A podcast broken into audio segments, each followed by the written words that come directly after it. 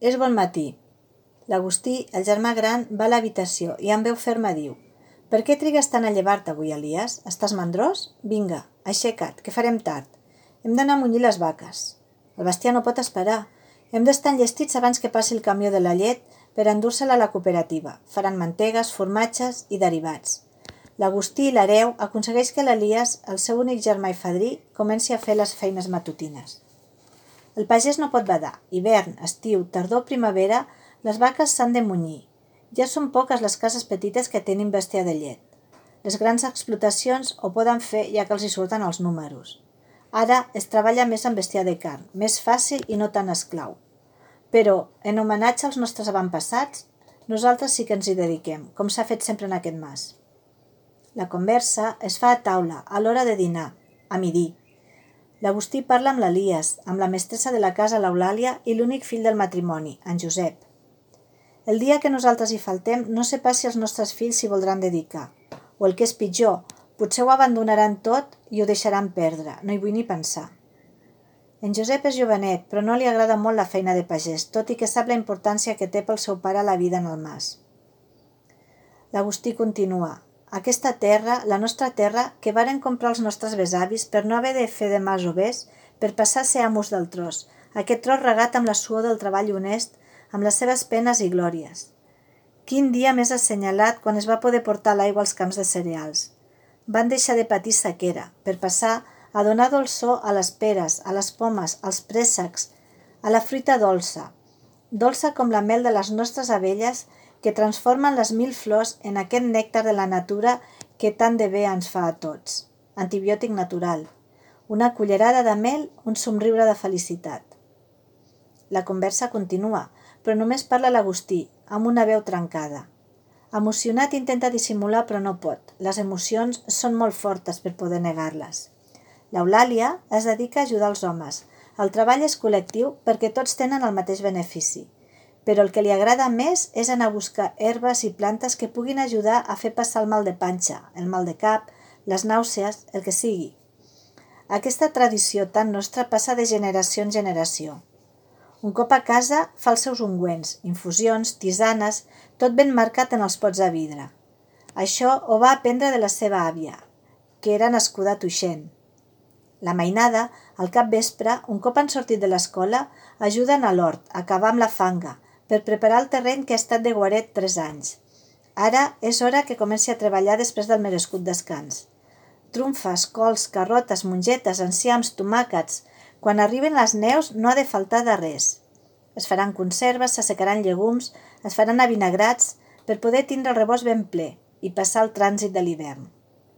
Tot gira al voltant del mas, el mas de la família, amb la gran portalada triomfal per on abans entraven el parell de bous, Ara entren tractors carregats de remolcs de bales d'herba seca. A l'era, el terra és enllosat per poder aguantar el trànsit del, del bestiar i dels tractors. Un cop dins el mas és com una gallina cloca que cuida dels seus pollets. És el mateix. L'amo és com el pastor a qui quan es fa fosc el mas li dona escalfor, sopar calent, llit, en resum, dona tranquil·litat a tots els que hi pertanyen. I és així com ha sigut des de temps immemorials, i així és com ha de seguir sent. L'Agustí observa en silenci, amb una dissimulada rialla. Està ben satisfet. Passen els anys, tots marxen. Els grans els hi marxa la vida. Els joves, com en Josep, que no vol continuar pagès, marxen a la ciutat. I on abans hi havia riquesa, ara només hi queda pols, runes i pena, molta pena. La ciutat és un tauró afamat, que es menja els pobres ignorants que hi arriben a la recerca d'una vida millor, desgraciats que no saben que ho tenien tot.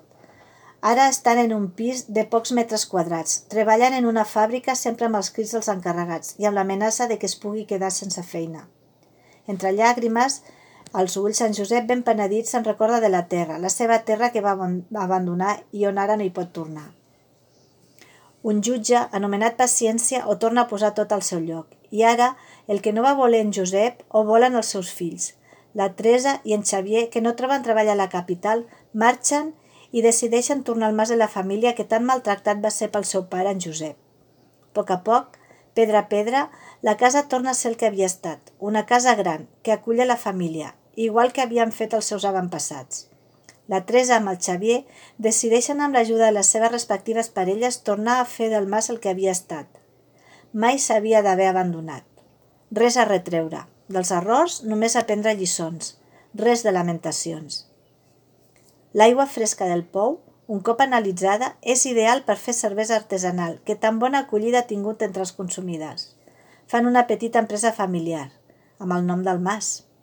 El Mas ja torna a estar viu, ple d'alegria i, el més important, amb mainada, que faran que el poble segueixi prosperant. L'escola, el forn, les botigues, la farmàcia, tothom està satisfet. Als pobles petits, per fortuna, els hi queda un gran futur. En lletres grosses gravades a la portalada de granit, la Teresa amb el Xavier han posat amb orgull. Calparritxe, any 1862. Aquesta narració té connotacions molt arrelades a les tradicions de Catalunya. És indiferent la comarca, si són les Terres de l'Ebre o la Catalunya del Nord. El que es mou és el mateix, l'estima de la terra que ens ha vist néixer, morir, estimar, suar, plorar. No es pot oblidar d'on venim ni on anem. No seria la intenció d'aquest escriptor de poble petit oblidar-se de cap de les branques, començant pels sacrificats ramaders, passant per les trementinaires, apicultors, hortolans, segadors, recolectors, estimats tots. Per fortuna, els micropobles tornen a ser vius gràcies a les noves generacions que la recerca de tranquil·litat i qualitat de vida han volgut deixar l'agressivitat de la ciutat per la vida al camp.